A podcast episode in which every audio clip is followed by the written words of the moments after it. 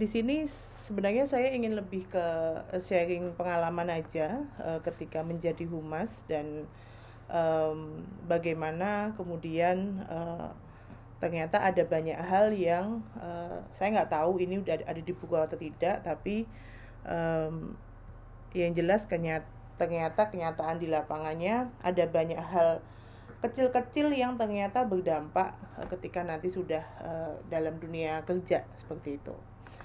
Um, jadi mungkin long story short, um, saya dulu kuliahnya di uh, eh, 11 Maret dan ngambil uh, tiga konsentrasi. Konsentrasi pertama adalah um, um, video, lalu kemudian um, jurnalistik dan yang terakhir itu uh, eh, PR atau humas uh, garing advertising. Jadi um, tapi saya sendiri melihat saya lebih fokus ke jurnalistik dan uh, produksi video seperti itu. Uh, minor saya itu di uh, public relation. Nah, tapi uh, justru semakin ke sini uh, saya diminta di humas dan ternyata ada banyak hal yang uh, dulu ketika kuliah ternyata um, beda dengan kenyataan di dunia kerja gitu. Atau lebih tepatnya um, ada hal-hal yang lebih dalam dari sekedar yang ada dalam pem, uh, buku di kuliah. Um, di sini uh, pertama um, uh, humas itu ada saya tidak menyiapkan powerpoint ya ini ngobrol aja gitu. Jadi kalau mau tanya monggo um, pertama sebenarnya humas itu lebih ke um, pemberitaan. Jadi um, tugas humas pertama itu adalah uh, namanya aja mengbranding ya. Sehingga pemberitaan-pemberitaan positif dalam sebuah institusi itu tentu saja sudah harus diliput oleh humas. Um, ini disclaimer aja dulu uh, bahwa setiap perusahaan itu punya struktur organisasi beda-beda dan kebetulan di UII uh, eh, yang saya jelaskan ini semua ada di uh, bidang humas. Kalau di unit lain di uh, perusahaan lain ada yang namanya uh, departemen uh, public relation, ada juga departemen corporate secretary, ada juga departemen marketing dan lain sebagainya. Intinya nanti um, dalam dunia kerja di organisasi lain mungkin beda-beda uh, apa namanya um, apa ya um, penamaannya beda-beda seperti itu. Nah kita balik ke masalah pemberitaan tadi. Jadi ketika pemberitaan uh, yang menarik ternyata uh, menjadi humas tidak boleh tidak bisa itu menulis artikel artikel itu ha, artikel itu tidak sekedar 5W1H tapi e, harus kemudian menjelaskan apa yang menarik dari acara ini. Contohnya mungkin cuma peresmian e, gedung, tapi apa yang kemudian menarik dari peresmian gedung? E, contohnya adalah ini gedung e, pertama yang didirikan di e, e, apa cabang perusahaan A di daerah e, mana ya di daerah Bantul contohnya. Nah, ada sesuatu yang menarik itu yang kemudian harus dijelaskan di judul. E, di mana kemudian kalau di judul sudah ada hal yang menarik, nanti orang akan membuat e, apa terstimulus untuk membaca. Berikutnya kalau ngomongin artikel um, yang um, yang saya lihat ternyata ada beberapa yang uh, perlu diperbaiki adalah tentang kemampuan menuliskan uh, sesuatu menjadi yang lebih mudah. Contohnya seperti ini, teman-teman uh, bisa jadi besok bekerja dalam perusahaan contoh Pertamina atau perusahaan PLN atau perusahaan Wika, perusahaan-perusahaan yang uh, bekerja di bidang teknik, di mana um, bidang-bidangnya ini bahasanya sangat teknik. Nah, artikel yang dipublish di masyarakat itu harus semudah mungkin dipahami dengan bahasa uh, kita, bahasa orang biasa. Saya mengatakan bahwa tugas orang komunikasi itu membahasakan, mengkomunikasikan menjadi bahasa orang biasa. Jadi bukan bikin muter gitu. Gimana cara menjelaskan um, uh, ketika teman-teman sebagai uh, humasnya Telkom gimana cara membahasakan um, perusahaan Telkom baru saja merilis uh, apa namanya uh, kabel optik gitu. Nah, kabel optik itu apa gunanya buat dampaknya di masyarakat? Sehingga uh, kata kunci dari pemberitaan dalam sebuah uh, apa uh, artikel di uh, ranah unit humas itu adalah kebermanfaatan untuk masyarakat. Apa gunanya perusahaan ini melakukan kegiatan A? Dampaknya apa? Seperti itu. Itulah kenapa pemberitaan-pemberitaan mengenai donasi, pemberian sumbangan itu pasti menarik karena dampaknya jelas. Seperti itu. Nah, um, sehingga kemudian um, uh, saya sendiri juga masih sedang uh, belajar untuk uh, bagaimana cara menulis artikel ini baiknya dilihat dari mana Contoh kayak kemarin mengenai uh, satu uh, pemberian SK uh, eh, guru besar arsitek. Ternyata Bapak Nurholis Idam itu adalah profesor pertama di bidang arsitektur di UII. Nah, itu kan satu hal uh, selling point menarik bahwa ternyata beliau itu adalah uh, nomor satu atau uh, pertama di jurusan uh, di bidang arsitek bahkan. Nah, itu Uh, kenapa kemudian menjadi penting? Karena selling pointnya ada di bagian pertama. Nah, ada hal menarik juga ketika arsitektur UII dikatakan adalah tiga besar kampus yang kemudian sudah mendapatkan sertifi, uh, akreditasi internasional. Cuma ada tiga, UI, ITB, dan uh, eh, UII kalau nggak salah. Nah, itu kan berarti hal-hal yang menarik gitu artikel-artikel yang ditulis dan dikirimkan ke media apa yang membuatnya menarik gitu karena media itu juga akan menayangkan sebuah pemberitaan dari sebuah perusahaan itu kalau memang ada sisi menariknya. Kalau cuma peresmian gedung what else? Apa gunanya gitu? Tapi ketika peresmian gedung ini akan digunakan sebagai uh, apa namanya um, uh, tempat uh, apa tempat Contohnya kalau besok ada apa-apa dengan e, Merapi gitu akan kemudian menjadikan e, tempat apa bahasanya pemukiman atau apa gitu. Nah, sehingga kemudian e, pemberitaan itu menarik. Lalu kemudian ada namanya rilis, penulisan rilis atau press release. Itu adalah sesuatu yang biasanya kita kirimkan ke media itu bisa sebelum kegiatan berlangsung. Jadi kalau kalau kayak besok nih UI ada sidang milad senat gitu e, sidang milad senat ini sehingga kemudian harapannya media media meliput langsung. Nah undangannya dikirimkan Hamin satu biar kemudian hari H terus kemudian setelah hari H itu e, ditayangkan e, acaranya live lalu kemudian e, kita sebagai pihak humas merilis artikelnya. Nah, jadi ada ada ada rilis yang sebelum, ada yang kemudian artikel yang kita buat setelah. Nah, itu yang kemudian uh, press release biasanya dibuat sebelumnya.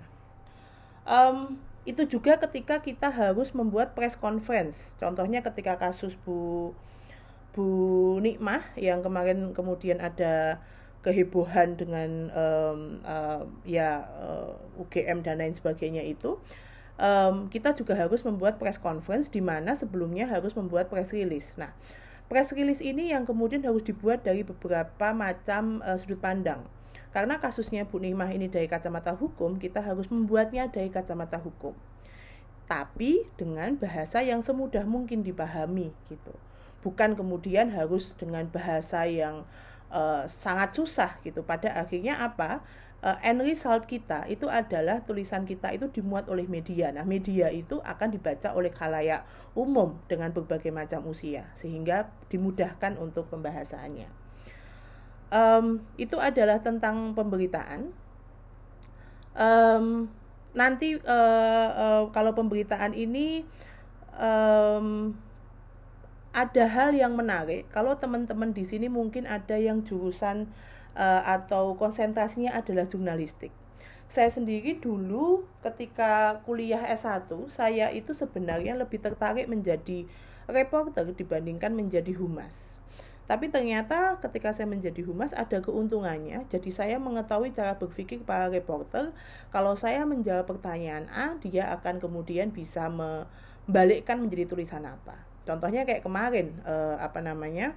ketika saya uh, ditanya mengenai uh, postingan salah satu orang saya nggak tahu siapa yang kemudian uh, ada stempelnya ikatan alumni UII lalu tulisannya menolak miras lalu kemudian tanya sama saya dan saya bilang uh, kita tidak boleh sebagai humas mengatakan kita menolak atau me mendukung peraturan uh, miras tersebut tapi kita harus mengatakan bahwa ini benar atau tidak mengenai postingannya.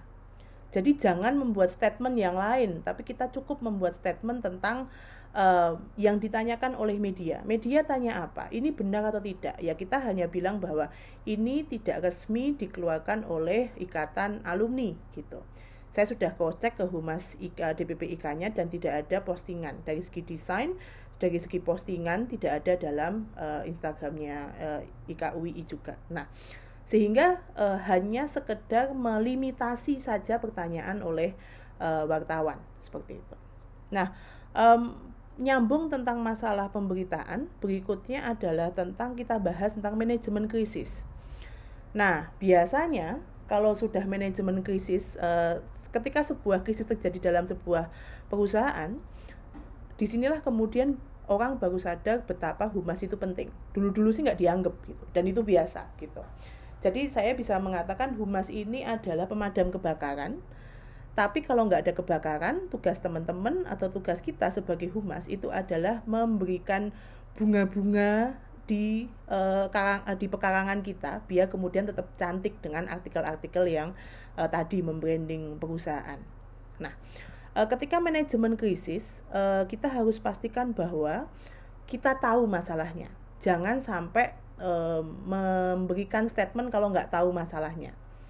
So caranya gimana? Caranya ya memang uh, di hold dulu pertanyaan dari media. Uh, beberapa kasus yang terjadi di UI kemarin ya kita tidak akan memberikan statement kalau kita belum paham gitu. Kita pelajari dulu baru kemudian kita diskusikan dengan pimpinan. Karena apa? Karena kita itu adalah humas. Ada yang kemudian lebih akan diserang kalau kita tidak selaras dengan pimpinan kita. Sehingga kita sepakati kita mau satu pintu atau dua pintu atau tiga pintu. Kalau ngomongin krisis, semakin banyak pintu, semakin jebol kemungkinannya. Gitu.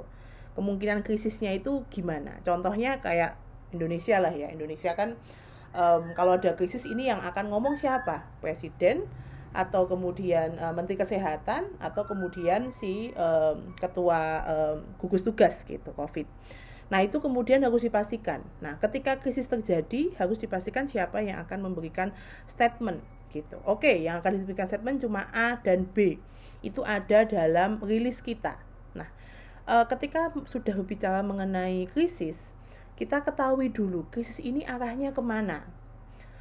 Arah apa ya? Um, netizen ini arahnya akan menyerang ke mana gitu. Kita sedang berurusan dengan dua hal penyelesaian kasus tersebut juga dengan bagaimana orang itu melihat perusahaan nah ketika kemudian dua hal ini harus diselaraskan berarti satu kunci dalam penyelesaian krisis adalah tidak perlu buru-buru santai saja dita uh, apa ya uh, dipastikan adalah semua pihak mengetahui bahwa ini in in progress gitu loh. Jadi tidak sedang diam tapi juga sedang berproses. Nah, ketika sudah sampai tahap di uh, berproses seperti itu, kita lihat ini kasusnya ke arah mana? Hukum bisa nggak diselesaikan dengan pengadilan dengan meja hijau?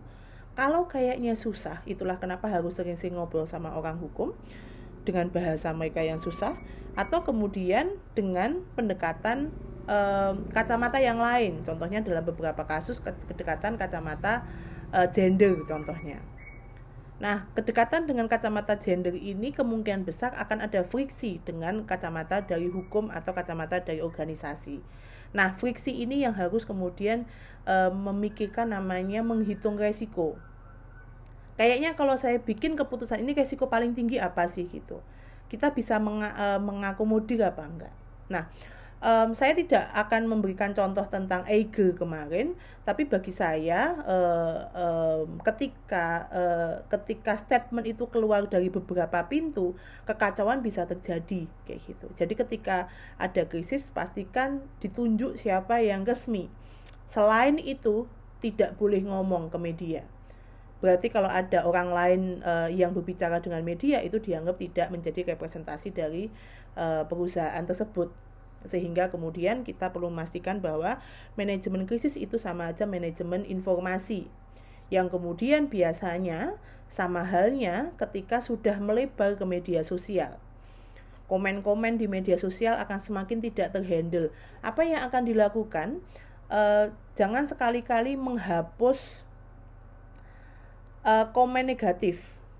Komen negatif itu akan kemudian um, netizen kemudian kita hapus itu akan kemudian membuat perusahaan seakan-akan repres, uh, represi punya sukanya menekan dan lain sebagainya. Nah bagi saya sebenarnya um, itu bukan cara humas. Cara humas harusnya me melakukan pendekatan uh, kenapa kemudian ada uh, selentingan-selentingan cerita seperti ini gitu. Uh, adakah yang uh, puzzle yang belum kita selesaikan dari kasus ini seperti itu. Sehingga ketika ada kasus um, uh, humas itu sebenarnya menjadi sangat disorot sekaligus kita melihat it is a blessing in disguise. Jadi kayak berkah yang tidak terduga karena kita tahu ada banyak hal yang perlu diperbaiki. Seperti itu. Nah um, kemudian itu yang saya tidak menyangka adalah humas itu sebagai uh, ini kalau di perusahaan atau di um, uh, dinas kementerian dan lain sebagainya ada ada unit lain um, atau ada yang dijadikan satu yang kemudian kita namakan protokol protokoler. Uh, manusia uh, orangnya namanya protokoler tapi fungsinya adalah protokol acara. Tugasnya apa? Tugasnya ini susah-susah gampang karena um, tugas utamanya adalah menyusun acara jadi ketika menjadi seorang protokol uh, protokoler tugas utamanya adalah menyusun susunan acara, dimulai oleh apa, kemudian di tengah seperti apa, dan diakhiri dengan apa. Nah, susunan acara ini yang kemudian, waduh, gampang dong bu, gitu. Um, saya tidak tahu, cuman kemudian bagi saya sendiri susunan acara ini akan semakin susah ketika ada VVIP guest atau tamu-tamu VVIP. Contohnya ketika kemarin kita membuat acara dari um, salah satu um, ikatan itu ada uh, mantan menteri eh sorry mantan wakil presiden Pak Yusuf Kala lalu ada menteri uh, Pak siapa? Pak uh, Mahfud. Nah itu kemudian uh, mana yang kemudian tempat duduknya ditaruh di mana, siapa di dekatnya siapa, Pak Rektor di sebelah kanannya siapa, Pak Wakil Rektor di sebelahnya kanannya siapa, dan lain sebagainya. Termasuk kita harus memikirkan ajudan duduk di mana dan e, berdiri di mana, seperti itu. Ketika sudah berkaitan dengan tamu-tamu e, VVIP, kita harus mempertimbangkan banyak hal. Satu adalah e, siapa yang paling tinggi dalam posisi itu. Uh, kedua adalah um, um, ya alangkah baiknya kita mengikuti karena bagaimanapun uh, mereka adalah struktur uh, tertinggi dalam uh, negara ini gitu. Contohnya kayak kemarin ketika um, Pak Jokowi pada akhirnya me, me, datang ke pemakamannya Pak Artijo itu kami nggak nyangka gitu dengan beberapa hal gitu. Nah, um, dalam hal tersebut uh, sebenarnya uh, kita harus pastikan bahwa tidak boleh ada yang mendekat, tidak boleh ada yang uh, kemarin kita ada sedikit uh, sambutan tapi uh, harus dihentikan dan lain sebagainya. Ya karena memang yang datang adalah presiden. Um, terkait dengan tadi protokol acara sebenarnya ada yang menarik ketika um, protokol acara ini uh, kelihatannya kecil tapi susahnya ketika sudah berkaitan dengan tempat duduk bagaimana cara menata orang-orang tinggi ini mau duduk sesuai dengan urutannya. Nah, urutannya ini yang kemudian disesuaikan dengan siapa yang akan datang. Siapa yang akan duduk di line atau baris pertama, siapa yang akan duduk di sebelahnya rektor, eh, kemudian siapa yang akan duduk di sebelahnya CEO, lalu kemudian eh, siapa yang akan duduk eh, di level kedua Nah, itu semua harus ada. Nah, untuk tahu gimana kita biasanya membuat tag atau kemudian uh, tulisan kecil yang ada di bagian uh, apa uh, bagian kursinya untuk mengetahui ini siapa yang akan duduk dan lain sebagainya. Um, nah, uh, agak tadi terkait dengan yang um, pemberitaan. Jadi seminggu yang lalu atau dua minggu yang lalu tuh menariknya ketika uh, eh, UII ini pemberitaannya itu sangat uh, sangat tidak bisa dikendalikan.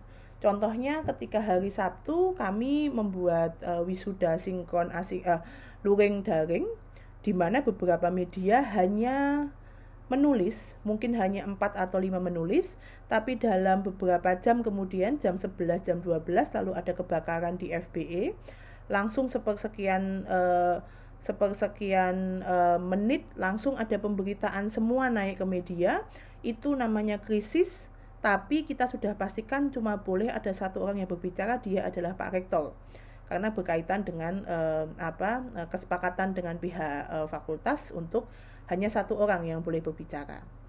Nah, selain dari itu tidak boleh gitu.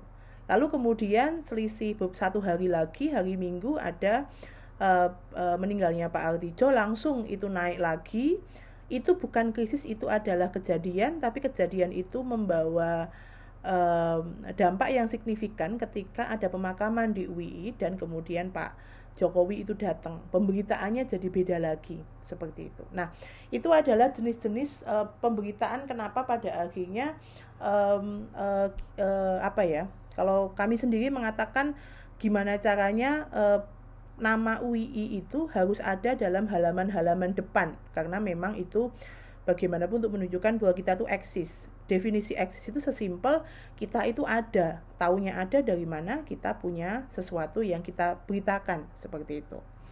Nah, um, setelah kemudian kita ngomongin pemberitaan, protokol dan manajemen krisis yang um, sebenarnya saya rasakan sekali ketika kondisi pandemi ini adalah fungsi humas sebagai pusat informasi. Contohnya, ketika sedang ada gonjang-ganjing, ini UII masuk luring atau daring. Pertama yang akan ditanya itu adalah humas.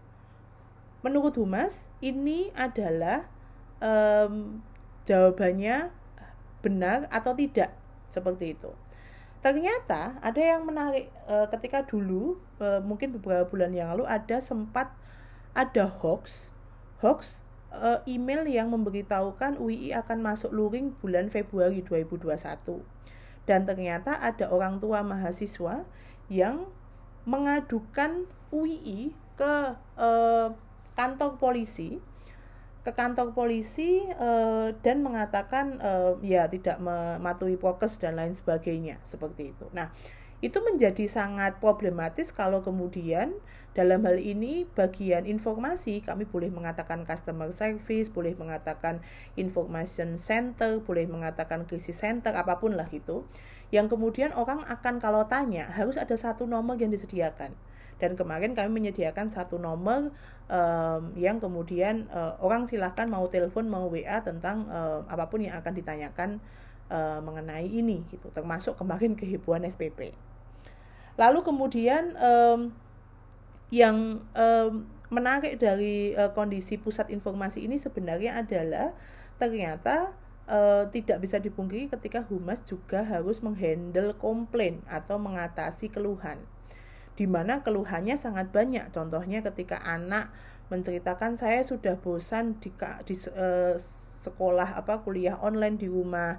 Ada yang bilang uh, uh, orang tuanya mengeluh karena begini. Nah, itu kemudian kami harus menangani menerima komplain kemudian bagaimana komplain ini akan diteruskan ke pihak yang lebih berkompeten. Contohnya dosen atau um, fakultas atau kemudian ke bagian uh, layanan akademik atau dan lain sebagainya. Seperti itu.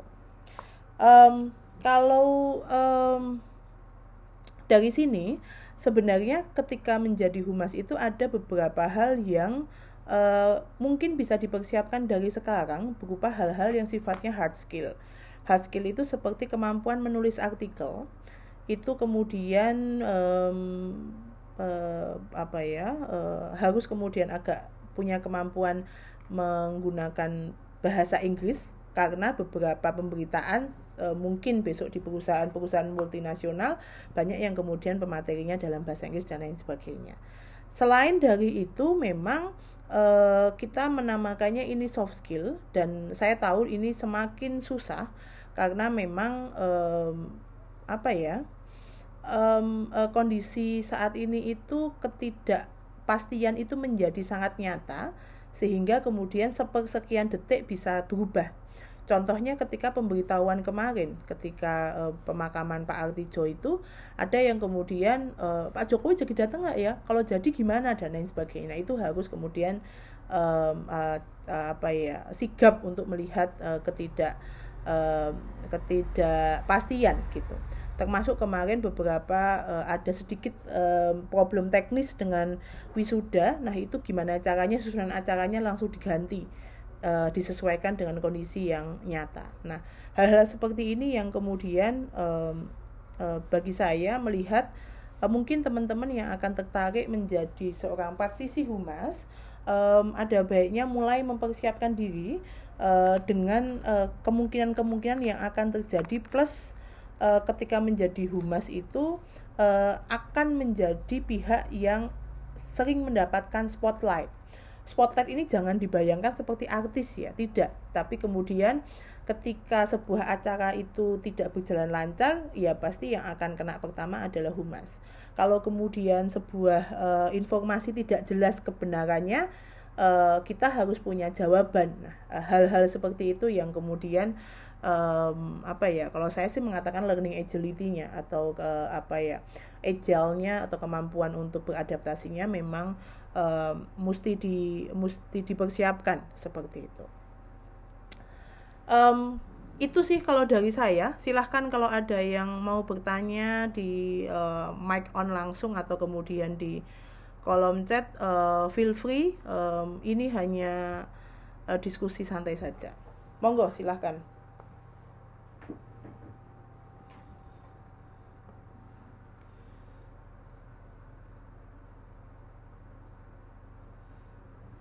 Adakah yang uh, ingin discuss atau apa? Bu, saya mau nanya, Bu. Yeah. Uh, yeah. Kan tadi kan uh, bilang jangan pernah menghapus komen negatif. Kalau yeah. misalkan dari instansi tersebut menutup komen itu sama nggak sih dampaknya? Um, begini, sebenarnya sebenarnya um, ketika sudah ada komen negatif kemudian uh, perusahaan itu mengclose komen ya gitu um, biasanya netizen akan me, akan apa ya bahasanya akan me, akan larinya ke DM kayak gitu. Akan larinya ke DM jadi uh, kalau ditanya boleh apa tidak ya pada akhirnya perusahaannya akan dianggap defensif gitu ini kan kita bermain dengan kita bermain dengan argumen argumen pikirannya uh, pikirannya uh, netizen ya atau netizen, pikirannya customer gitu. Kalau kita melihat bahwa mereka akhirnya menutup berarti mereka defensif gitu. Padahal sebenarnya uh, uh, kalau dibuka ya memang orang akan tahu uh, orang lain akan melihat bagaimana orang lain memaki-maki kita perusahaan kita gitu tapi kalau kenyataannya iya terus mau ngapain gitu. Maksudnya kan e, kemudian ya e, tidak perlu di gimana gimanain gitu. Ada beberapa kasus yang pada akhirnya e, lebih aman bahkan langsung postingannya di take down. Itu lebih aman sebenarnya. Jadi ketika ada postingan yang e, problematis lebih aman langsung dihapus saja jangan malah di uh, ditutup komennya gitu. Karena bagi saya menutup komen tidak menyelesaikan masalah gitu. Tapi kalau kita tahu bahwa kita salah lebih baik langsung di di di dihapus aja seperti itu. Itu itu menurut saya jauh lebih jauh lebih efektif dibandingkan uh, menutup komen atau menghapus uh, uh, menutup kolom komen atau menghapus komentar seperti itu. Itu kalau dari saya ya karena um, apa Eh, kita harus memastikan bahwa kita tahu bahwa kita salah dan uh, customer tahu bahwa kita juga mengakui kesalahan kita dan ya ya ya kalau salah yang ngakuin aja itu bagi saya sih sudah cukup gentleman ya ke situ. Masa iya kita salah tapi nggak ngaku salah kayak gitu? Itu another mungkin ada gambaran-gambaran um, uh, penampilan penampilan.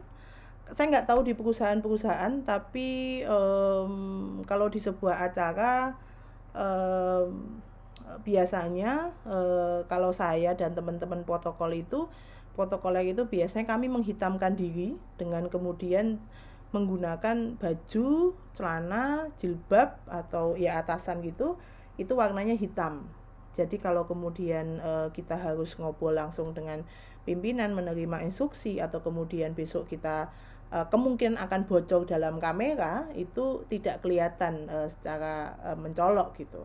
Itulah mungkin alasan kenapa dalam uh, produksi uh, televisi kan orang-orang behind the scene juga pakai baju hitam gitu biar nggak kelihatan juga kalau um, bocor dan kelihatan di kamera. Seperti itu. Ada yang lain? Atau mungkin um, apa? Um, ada yang bisa menjelaskan kenapa pengen jadi humas atau apa gitu? Um, apa ya? Apa yang ekspektasi kalian gitu? um, Mas, ya ada yang tanya di kolom hotline center itu menghandle eh, yang menghandle humas juga. Jadi dalam perusahaan beda-beda, ada yang kemudian ada bagian informasi sendiri, tapi ada yang kalau di UI itu masuk dalam humas.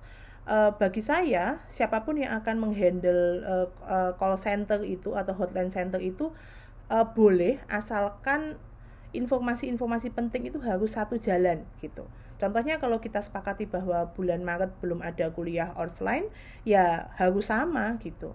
Sama halnya ketika uh, ada mahasiswa yang tanya, Bu, center uh, September sudah masuk belum? Jangan sampai sekali-kali memberikan jawaban yang uh, berbeda gitu. Kita hanya bilang bahwa kita hanya bisa memastikan uh, Maret belum kuliah offline gitu. Nah, jadi siapa pun yang menghandle itu um, boleh-boleh saja asalkan uh, sejalan. Nah, Di sinilah kemudian fungsi humas yang kemudian harus saling berkoordinasi dengan unit lain, dengan unit A, unit B, unit C untuk memastikan bahwa jawabannya itu sama, seperti itu. Nah itu yang um, apa? Ya harus saling koordinasi. Mbak Delsya mungkin saya agak bingung, Bu humas kerja sendiri berarti. Um, justru ini humas harus banyak kerja dengan bagian mana aja gitu karena untuk bisa kerja bareng kan memang uh, uh, untuk bisa dapetin apa tadi uh, kerja klub kan harus kerja dengan unit lain. Seperti itu. Oke okay, um, mungkin ada yang mau menceritakan kenapa pengen jadi humas atau ekspektasi jadi humas itu akan seperti apa gitu? Silahkan.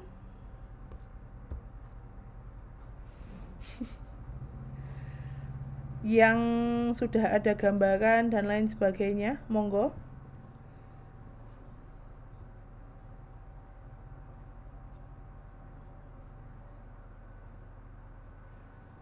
Siapa ini? Atau apa? Atau apakah humas itu beda dengan marketing? Jawabannya beda. Ada yang unit yang disamakan, ada yang unitnya dibedakan seperti itu. Tapi bagi saya sih, um, bagi saya sendiri sebenarnya um, apa selama kegunaannya adalah untuk membranding gitu itu boleh dilakukan oleh unit mana pun seperti itu. Tapi ketika itu berkaitan dengan informasi, uh, apalagi kita hidup dalam kondisi informasinya itu serba cepat dan banyak, uh, peran dan kebutuhan uh, uh, apa ya fungsi humas menjadi sangat urgent karena untuk mengkonfirmasi banyak hal gitu. Ekspektasinya kerja di humas bikin kepala pusing bu. um, um, sebenarnya sebenarnya kalau saya mengatakannya uh, dinamikanya sangat signifikan sih gitu. Jadi uh, ketika kemarin pandemi itu it happened gitu ya, tiba-tiba beng gitu. Wah, itu banyak banget uh, kondisi yang langsung signifikan karena memang um, apa ya? Uh, bisnis prosesnya tidak berubah, tapi kita perlu mengkonfirmasi banyak hal gitu kami harus menenangkan orang tua mahasiswa yang uh, panik dengan kondisi di mana kami sendiri juga masih panik dengan kondisi ini tapi tidak mungkin menularkan kepanikan ke orang lain gitu. Jadi um, apa uh, jawaban jawabannya harus uh, oke okay, uh, tidak ada kuliah di kampus semua diminta untuk ke kos uh, jika kemudian akan pulang disarankan untuk menggunakan uh, transportasi uh, pribadi atau kemudian transportasi umum harus mengikuti fokus A B C D E dan Z kayak gitu. Nah um, pertanyaannya Mas Ham ini Mas Hamdan ya? Um, Duh gimana ya? Um, um, I'm still survive for that ya. Um, manajemen emosi yang paling kerasa ketika harus berurusan dengan media sebenarnya karena kalau sama temen is oke okay lah kita masih bisa karena kita sama-sama merasakan kondisi. Tapi kalau sama media mereka nggak tahu betapa pressure-nya ini uh, stres tapi kita harus uh, how to be a good apa ya good management apa tadi emotional management ke ke media gitu. Karena contohnya seperti ini media ini kan sukanya mancing-mancing yang apa ya mancing-mancing yang lucu-lucu kan ya gitu Contohnya apa tindakan UII? Apakah UII kayak kemarin um, ketika ada kasus uh, mahasiswa MIPA yang positif? Itu sudah kita sepakati bahwa mereka itu positif karena kita akan uh, lab, ya, mereka akan masuk ke lab, uh, mereka akan uh, praktikum gitu. Berarti UII sudah melakukan tindakan preventif, tapi tetap dikejar uh, mulai dari ke belakang dari tujuh orang itu berapa orang yang ketahuan di awal terus tracingnya gimana terus prokesnya gimana panjang gitu. Nah kalau seperti itu ya kita tahu bahwa ya kita cuma akan menyediakan informasi seperti ini. Nah salah satunya biasanya saya mengakomodir pertanyaannya pertanyaannya um, media itu dengan mengurangi telepon jadi kalau ada uh, media yang telepon, saya biasanya akan um, uh, akan menghindari. Bisa nggak kemudian dipastikan ke chat? Karena kondisinya uh, emotionally kalau kita ditelepon itu kalau kita ngomong kayak sekarang itu kan jadi agak uh, ini ya jadi agak kelepasan ya. Karena emosionalnya kan keluar semua kalau ngomong. Tapi kalau nulis kan lebih bisa dihandle seperti itu. Sama halnya ketika dulu kasus yang um, Ibrahim Malik itu ada permintaan Zoom dari um, uh, saya lupa antara uh, CNN Indonesia atau apa, itu saya harus menanya, saya harus meminta pertanyaannya terlebih dahulu. Pertanyaannya apa nih A B C D E gitu. Ya sudah um, di luar dari itu, aduh saya belum belajar ini Mas dan lain sebagainya, seperti itu. Um, sama halnya ketika Eh, siap-siap uh, saja nanti kalau jadi humas kalau ada satu media bertanya tapi di pemberitaan yang keluar ada 5 sampai 10 gitu ternyata udah biasa. Kayak gitu. Jadi kalau ditanya jawabannya iya iya gitu. Jadi uh, makanya tadi saya menyarankan untuk jangan gusa-gusu jangan uh, cepet-cepet karena memang Uh, kalau ingin segera menyelesaikan itu kecenderungannya emosinya akan naik. Dan itu sangat bisa dibaca oleh teman-teman media seperti itu. Bu kalau kaitannya dengan marketing berarti segala bentuk branding atau promosi harus di approve ya Bu dari humas dulu atau tidak? Kan mungkin ada kaitannya dengan diksi yang miss.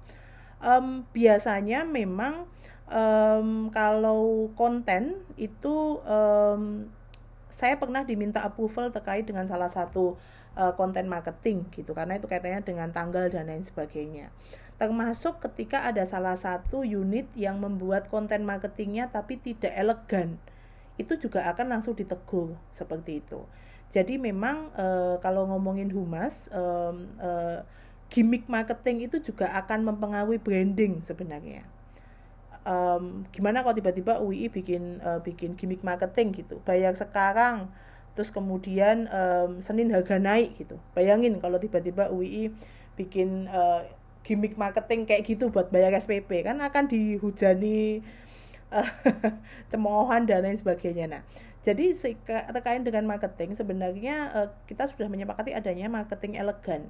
Jadi kalau ada gimmick marketing yang tidak elegan akan kemudian bisa di uh, di ditindak karena itu melewati uh, apa apa yang sudah kita sepakati. Kedua juga informasinya. Nah, kalau terkait dengan marketing ini ada yang namanya product knowledge. Nah, product knowledge itu yang kemudian dekat dengan uh, product knowledge di humas atau uh, kita sebagai orang humas juga minimal tahu lah apa product knowledge dari perusahaan kita. Contohnya kamu uh, humasnya Telkom. Telkom itu punya produk knowledge apa saja tuh biasanya harusnya kurang lebih harus di, di, di dikuasai seperti itu. Jadi kalau ditanya apakah harus di approve, tidak harus. Um, tapi biasanya mereka sudah punya, mereka sudah tahu yang benar. Jadi mereka sudah mereka sudah apa ya mereka sudah um, melihat mana yang uh, apa ya yang benar dan yang salah termasuk kalau kemudian ada yang tidak tepat biasanya uh, akan men down gitu itu dengan satu dua uh, hal yang sudah di uh, apa sudah disepakati. Waduh, Mas Ari Muzain.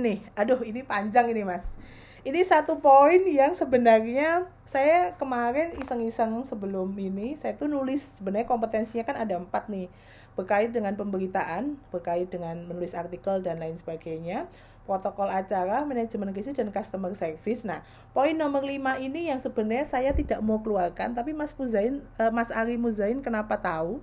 Yaitu adalah tentang kemampuan IT. ini lucu ini kalau ngomongin kemampuan IT. Jadi ketika saya masuk di Humas saya nggak tahu IT babak belas seperti teman-teman lah e, standar lah intinya nggak gimana-gimana. Tapi ternyata dengan adanya eh, digitalisasi ini ternyata all apa pun yang terkait dengan pemberitaan di digital di dunia digital itu dimasukkan semua dalam branding. Itu artinya jika terjadi apa-apa dengan tampilan-tampilan digital, humas itu juga harus tahu. Contoh paling simpel adalah website UII down, tanyanya ke saya. Lah kan saya nggak ngerti gitu. Tapi uh, jadi gini, kalau saya mengatakan uh, apakah diutamakan yang punya kompetensi IT, saya mungkin mengatakannya bukan kompetensi IT, tapi cara berpikir IT-nya harus ada. Contohnya kayak gini, teman-teman. Ketika nih ada website down, terus kemudian kita orang humas harus ngapain? Kita harus menghubungi orang BSI, uh, eh, orang orang IT. Terus kemudian orang IT ngapain? Orang IT harus sesegera mungkin memperbaiki gimana caranya tampilannya ini tidak kelihatan sedang down, tapi sedang under uh, construction lah ibarat kata kayak gambar gambar um, gambar orang-orang lagi bikin rumah lah kayak gitu. Jadi harus diganti ke sesuatu yang lebih elegan gitu loh. Bisa nggak cepet-cepet ini diganti tampilan depan ini? Jangan kayak websitenya down atau servernya error tapi bisa nggak tampilannya ini kalaupun memang belum ready websitenya untuk up lagi bisa nggak tampilannya ini diarahkan untuk website itu sedang dalam under construction gitu loh.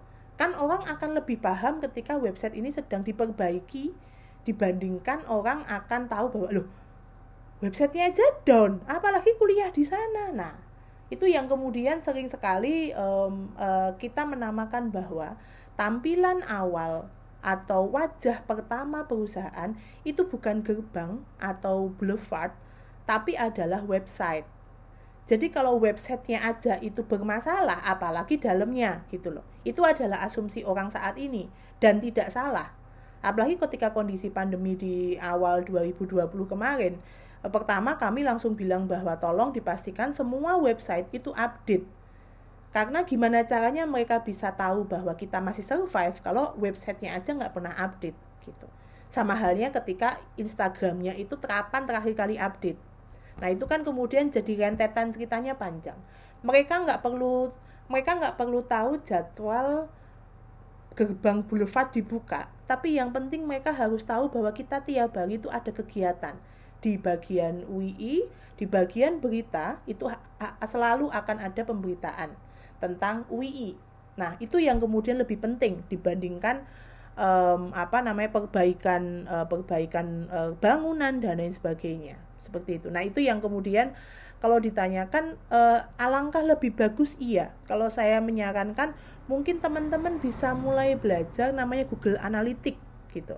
Google Analytics nanti um, satu dua uh, saya nggak tahu banget tapi saya sedikit agak uh, sedikit banget sih gitu uh, melihat bahwa tren pemberitaan itu gimana. Contohnya nih pemberitaan dari A sampai hari tanggal 1 Maret sampai hari ini tanggal 11 Maret. Mana pemberitaan yang paling rame gitu. Oke, ternyata pemberitaan pas, pas ketika Pak pemakamannya Pak Artijo, oke itu wajar, tapi yang lain mana? Nah, ternyata kema kemarin kami pernah eh, melihat data, ternyata dari tahun 2019 sampai sekarang 2021 hingga saat ini pemberitaan yang masih sangat populer dan masih sangat banyak diliput eh dibaca oleh uh, oleh oleh oleh um, pembaca di websitenya UI itu adalah tentang tulisan ulil albab. Jadi bagaimana menjadi insan ulil albab itu ternyata pembacanya itu sangat banyak. Setelah kita lihat di pemberitaan uh, uh, di Google ternyata di Indonesia yang menulis tentang ulil albab itu sangat sedikit. Kata kunci ulil albab itu sangat sedikit. Jadi kalau mau nulis tentang ulil albab, itu pasti pemberitaannya nanti akan bisa naik, tidak dalam waktu dekat, tapi kemudian dalam waktu lama itu akan bisa menaikkan traffic kayak gitu. Jadi itu yang kemudian dinamakan organic ini ya, organic viewers ya, bukan bukan kita ngambil uh, apa keyword-keyword nakal lah, keyword-keyword judi, keyword-keyword judi online atau kemudian pornografi itu kan itu kan tidak tidak elegan dan tidak lazim. Kita ngambil yang memang populer, contohnya UI dan Islam dan Ulil Albab itu ternyata populer sekali. Nah, ketika kemudian kita tahu trennya seperti itu, kita akan bisa melihat bahwa oh ternyata orang bagaimanapun masuk ke value-nya UI sebagai kampus Islam gitu. Nah, sama halnya ketika kemarin pandemi ternyata yang populer pemberitaannya tentang uh, bagaimana kuliah online yang efektif. Nah, itu ternyata uh, yang baca juga banyak. Seperti itu. Nah, jadi analogi-analogi berpikir IT-nya itu didekatkan dengan pemberitaan uh, uh, tentang all about information. Jadi kami juga punya tim IT, tapi tim IT yang ada di UI uh, di Humas ini namanya web support. Nah, web support ini adalah um, intinya bagaimana caranya pemberitaan positif di UI itu dinaikkan ke Google Analytics sehingga pencarian nama di keyword itu bisa nyantol ke Google. Contohnya ketika nanti ada tulisan UI kampus uh, uh, kampus tertua, ya gimana atau kemudian kampus tertua di Indonesia nanti gimana caranya UI bisa masuk gitu. Alah mencelat. UI bisa masuk seperti itu. Nah, jadi um, apa keyword-keyword itu yang kemudian kita uh, ada yang namanya optimasi konten dan lain sebagainya. Nah, jadi kalau bagi saya sih um, satu hal yang dekat itu adalah tentang membaca data sebenarnya. Kemampuan IT saat ini kalau buat orang komunikasi bagi saya kemampuannya lebih kepada kemampuan membaca data. Is it work or not? Ini tuh bisa jalan apa enggak? Ternyata enggak, ya sudah kita ganti pakai strategi yang lain. Kalau ternyata bagus, kita go ahead untuk uh, apa untuk pakai cara dan seperti itu. Nah, sehingga kemudian kita punya bank data ini, bank-bank data yang kemudian um, apa namanya bisa bisa uh, bisa kita gunakan untuk strategi uh, ke depan seperti itu. Um, kalau ditanya yang lagi, saya um, kurang lebih juga belum bisa paham tentang sekuritas website, tapi kurang lebih um, uh, ada beberapa hal yang perlu bisa kita lakukan untuk kemudian bisa meningkatkan uh, keamanan website atau server. Nah, itu analogi-analoginya. Jadi kalau saya ngobrol sama orang IT itu bisa 1 sampai 2 jam mereka ngomong tapi saya nggak paham gitu nah. Um, sehingga saya harus mencerna bahasa mereka menjadi menjadi yang mudah di, saya pahami kayak gitu. Nah, itu yang kemudian um, biasanya agak lama sih uh, untuk uh, saya bisa paham dunia IT. Tapi kalau yang teman-teman punya kemampuan IT lebih bagus, uh, itu saya itu itu akan membuat lebih mudah paham tentang uh, dalamnya uh, tata letak uh, website pen, uh, apa ya uh, kita akan mengenal namanya UI UX uh, apa user interface user experience gitu Jadi kemudian ketika kita membuild website, kita tahu bahwa user kita itu sukanya matanya ke arah kiri, kanan, bawah, atas, bawah, warna apa, um, apakah kemudian fotonya harus tersenyum atau bisa diem saja dan lain sebagainya. Seperti itu. Jadi analogi-analogi itu yang uh, mungkin bisa uh, sedikit membantu lah. Itu kalau saya. Jadi kalau um, saya mungkin bisa lebih paham IT mungkin akan lebih bagus lagi gitu tapi kalau sekarang masih belum terlalu paham yang lain monggo um, apa um, dunia dunia kehumasan dan lain sebagainya Lensa mau izin Iya, silahkan Mbak. Uh, dalam mata kuliah, mm -hmm. terusnya bagi bagi kami yang uh, di konsentrasi PR mm-hmm. itu kan memang diajari kayak uh, langkah-langkah yang dilakukan dalam manajemen krisis seperti mm-hmm. kan uh, menganalisis persepsi masyarakat, mm-hmm. membentuk tim manajemen krisis, mm-hmm. membuat manajemen krisis plan, stakeholder mm-hmm. mapping, media mm-hmm. relation, membuat mm-hmm. press release, menunjuk mm-hmm. jubir atau mm-hmm. pintu seperti yang Ibu Ratna jelaskan mm-hmm. tadi, terus juga mm-hmm. kan mengaitkan dengan norma. Nah tentunya kalau udah praktek, udah terjun langsung nih jadi humas gitu, mm-hmm. kan pasti lebih luas dari sekedar teori yang diajarkan hmm, gitu hmm, karena hmm, kira-kira tuh selain yang sudah diajarkan tadi selain yang uh, saya sebutkan tadi tuh apa gitu bu uh, langkah yang dilakukan dalam manajemen krisis ya. Ini ini nggak bisa cuma humas. Ini harus humas plus pimpinan. Satu hal yang saya pelajari dari kasus-kasus kemarin satu hal adalah keberanian mengambil resiko. Itu adalah uh, apa ya salah satu cara untuk krisisnya cepat selesai atau tidak. Jadi ketika kita tahu nih kita akan mengambil jalur uh, kacamata gender dalam penyelesaian masalah gitu, ya pasti akan ada yang dikalahkan. Contohnya dari kacamata hukum atau kacamata organisasi gitu loh. Jadi um, uh, apa namanya kemampuan uh, kemampuan mengambil resiko itu adalah sesuatu yang e, bagi saya perlu disepakati dengan pimpinan. Pak, kalau kita itu punya masalah A, kita punya opsi itu sebenarnya 10. Tapi apakah 10 itu efektif? Untuk segera meredam. Jadi kita itu uh, dalam dalam uh, krisis sebenarnya yang perlu di, perlu diketahui adalah kita tuh pengen cepat selesai nggak sih? Lah kalau saya pengen cepat selesai toh mbak, gimana caranya bisa nggak ini selesai minggu ini aja? Saya udah capek dengerin media ngubungin saya gitu. Nah kalau kita punya 10 opsi mas uh, opsi jawaban atau solusi dari 10 itu mana yang paling cepat? Karena apa? Semakin lama pemberitaan uh, perusahaan mengenai kita itu jelek kita mau ngasih berita apa aja yang positif akan mental gitu loh. Pada pada akhirnya netizen akan selalu mengklik pemberitaan yang negatif terus. Nah buat branding buat pemberitaan kita sebagai orang humas kita rugi dong. Kita punya berita banyak banget. Wah itu jadi ketika kemarin uh, pandemi itu uh, yang sedikit agak menyelamatkan itu ketika kita dalam waktu bersamaan kita mengeluarkan pemberitaan mengenai uh, apa uh, wastafel portable dalam pemberitaan IM itu little bit bisa sedikit menutup lah gitu. Tapi kita harus tahu end, end endingnya krisis ini tuh di mana gitu loh. Nah, ketika kita tahu bahwa endingnya itu di bagian A, kita mau menyelesaikan berapa lama? Kalau kami pengennya sih oke, okay, ini selesai besok maksimal lusa. Nah, untuk bisa tahu kita selesainya kapan, kita mau pakai solusi yang mana? 1 sampai 10. Kan cuma pakai satu nih yang paling tepat. Nah, satu ini ternyata beresiko. Nah, kalau kita memastikan bahwa oke okay, kita berani ngambil resiko, that's it gitu loh. Langsung ambil aja. Jadi kalau ditanya yang yang mungkin di buku belum ada itu hal-hal yang terkait dengan resiko. Salah satunya adalah resiko um, terkait dengan um, apa ya branding perusahaan tersebut. Jadi uh, krisis itu kan paling dekat adalah adalah mencoreng nama baik perusahaan. Kalau kita berfokus kepada penyelesaian kasus plus membela korban, itu cukup gitu loh. Nah, kalau kemudian brandingnya jelek gimana? Ya itu akan kita perbaiki di beberapa waktu ke depan. Tapi kita harus selesaikan ini kasus gitu. Nah, um, kalau kami, kalau saya sih jawaban yang saat ini kepikiran sih tentang keberanian mengambil resiko. Tapi itu juga harus didiskusikan dengan pimpinan terlebih dahulu kayak gitu. Silahkan.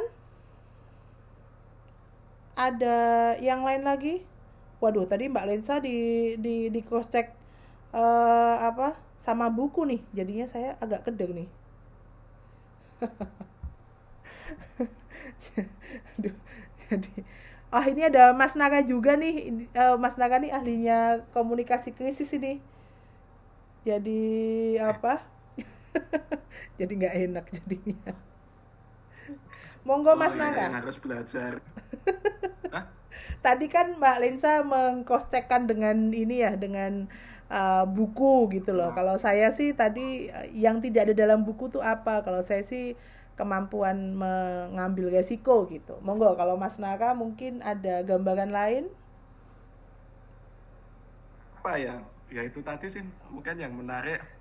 Humas sejago apa pun dia ya anu ya depend ke pemimpinnya, depend ke bos-bosnya, depend ke pimpinannya. Ketika pimpinannya nggak mau ambil risiko, ya udah mungkin bisa selesainya bisa agak lama. Tapi kalau pimpinannya mau ambil risiko dengan segala opsi, ya itu mungkin akan anu ya, akan bisa lebih cepat gitu loh selesainya berkaitan dengan krisisnya gitu. Yeah. Mungkin ini apa Mbak Ratna, saya mau tanya, Bumas kan ya di mana pun ya, iya. di mana pun yeah. so far itu lebih ke komunikasi eksternalnya ya. Nah yeah. internal tuh gimana tuh? Jadi masih penting nggak tuh komunikasi internal yeah. untuk diurus? Ya, um, kami melakukan komunikasi, uh, mungkin bukan komunikasi internal. Kami melakukan branding internal itu dengan melakukan pendekatan um, kompetisi sebenarnya. Jadi uh, kami uh, di internal itu kan kita punya dosen, kita punya mahasiswa, kita punya staff kita punya uh, orang tua mahasiswa dan lain sebagainya. Tapi kalau orang tua mahasiswa saya nggak mau deketin, alumni juga nggak mau deketin karena alumni itu kan sebenarnya orang yang berdiri di dua kaki. Saya pernah tanya ke Pak Rektor, alumni UI itu sebenarnya internal atau eksternal sih itu. Jawabannya ya nggak bisa, itu dua-duanya. Karena kadang-kadang ada alumni yang dekat banget, ada alumni yang jauh banget. Nah, yang sebenarnya kami lakukan dalam branding internal itu adalah melakukan eh, kompetisi-kompetisi uh, yang sifatnya adalah mereka gimana caranya mereka secara secara natural itu membuat branding positif. Contohnya kemarin kami 2019 membuat um, uh, social media award. Social media award itu atau mungkin banyak juga sudah dilakukan oleh teman-teman kemahasiswaan ya. Tapi sebenarnya social media award itu kan mendekati para uh, unit kemahasiswaan UKM UKM gimana caranya mereka punya uh, mereka bisa membuat postingan yang positif untuk satu unit dan kemudian kalau sosial media kan pasti juga keluar dan kemarin kami juga melakukannya dengan uh, website appreciation itu juga kami memberikan apresiasi kepada pengelola website di lingkungan UI sehingga dampaknya sebenarnya dua hal ini mereka tuh sudah melakukan sesuatu ke pihak eksternal dan internal karena sosial media dan website ini kan dua-duanya adalah media digital di mana orang lain juga lihat, orang dalam juga bisa lihat. Nah, yang kita lakukan itu pendekatannya langsung pendekatan ke orangnya, ke adminnya. Nah, adminnya ini yang kemudian kita dekati dengan pendekatan uh, a little bit kompetisi gitu. Karena uh, kompetisi kan uh, biasanya uh, apa ya punya kebanggaan kalau dia bisa menang gitu. Itu yang alasan kenapa saya sering melihat uh, kolom komentar dalam beberapa hal itu. Karena ingin melihat uh, mereka tuh sentimennya gimana sih ada yang kemudian positif ada kemudian yang negatif harusnya begini harusnya begitu dan iya nggak apa-apa gitu um, apa untuk untuk perbaikan di beberapa waktu ke depan. Seperti itu. Um, yang lain monggo. Um, yang um, atau mungkin apa yang ada di benak teman-teman tentang jadi humas itu idealnya gimana gitu mungkin ada yang um, memberikan gambaran ideal gitu sehingga um, harusnya begini bu. Apakah humas itu ke mana-mana harus pakai blazer harus pakai celana kain gitu. Kalau teman-teman kerja di perusahaan lain gitu ya bukan kampus ya. Saya nggak tahu mungkin kampus harusnya iya tapi saya nggak ya gitu. Tapi kalau perusahaan lain kemungkinan besar iya gitu. Karena kenapa eh, humas harus menggunakan baju-baju seperti itu karena bisa ke kemungkinan bertemu klien dan uh, mitra perusahaan itu sangat besar gitu. Nah, representasi paling dekat perusahaan itu kan di humas gitu. Nah, itulah kemudian uh, biasanya apa cukup uh, cukup diminta untuk menggunakan baju yang cukup rapi seperti itu. Itu yang yang apa ya? Yang biasanya di perusahaan-perusahaan gitu. Kalau di UI sih kayaknya ya saya aja yang terlalu santai gitu. Begitu. yang lain monggo ini anyway makasih loh sudah uh, datang um, um, ini sebenarnya hanya hanya uh, hanya diskusi santai saja gitu uh, karena saya merasa uh, humas ini bisa masuk ke beberapa perusahaan contohnya kalau teman-teman besok kerja dalam perusahaan um, contohnya uh, dinas atau PNS gitu bisa jadi teman-teman akan diminta menjadi protokol acara. Nah, protokol acara ini wow banget ini harus nempelin pimpinan, kemudian harus memastikan semua detik tiap detik itu uh, updatingnya itu nggak boleh ada yang telat gitu. Bahkan kalau saya mengikuti mengikuti web apa acara-acara um, uh, workshop dan lain sebagainya tentang humas itu ada yang bilang ya handphone humas nggak boleh mati satu kali 24 jam kayak gitu. Katanya sih sampai seperti itu gitu karena memang uh, updatingnya kan cepat sekali gitu. Jadi biasanya ha harus pakai power bank lah harus inilah harus inilah gitu. Seperti itu tadi saya sudah ngobrol satu jam lebih. Wah hampir iya satu jam ternyata. Monggo yang lain? Atau sudah cukup? Kalau um, sekiranya uh, apa namanya uh, pemahaman teman-teman atau pemahaman ya gitu. Sharing uh, pengalamannya kayaknya sudah cukup uh, uh, apa sa kita akhiri. Um, terima kasih Mas Yudi sudah gabung juga. Ya Mbak. Oh ya Mbak, mau tanya sebentar sedikit boleh Mbak konfirmasi aja sih mungkin ya. Boleh boleh monggo monggo. Ya, apakah se uh, seorang PR atau humas itu akan diingat jika terjadi sebuah uh, apa namanya ya, ke musibah atau uh, hmm. kecelakaan gitu ya di instansi tersebut. Ya. Apakah benar itu Mbak? misal yang sekarang misalnya periode Mbak Ratna nih di UI yang periode ini. Nah ternyata ada yang uh, apa namanya uh, yang enggak enggak yang ada yang hal yang enggak diinginkan. Nah itu yang diingat itu humas seorang humasnya bukan dari instansinya. Apakah benar